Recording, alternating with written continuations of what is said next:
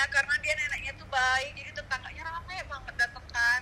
Selalu kayak aduh gila hatiku nyes banget kayak kok relate maksudnya relate yang kayak anak-anaknya tuh gak ada kayak ya Allah aku sedih banget lah kan. Terus habis itu habis itu eh, udah akhirnya tapi dia kok demam. Terus dia bilang ada sesak nafas. Oh jangan-jangan covid kan.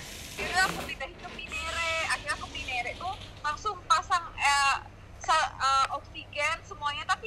udah nggak ada. Akhirnya aku cek nafasnya pun nggak ada hembusan nafas lagi. Pupilnya pun udah nggak refleks kan beb?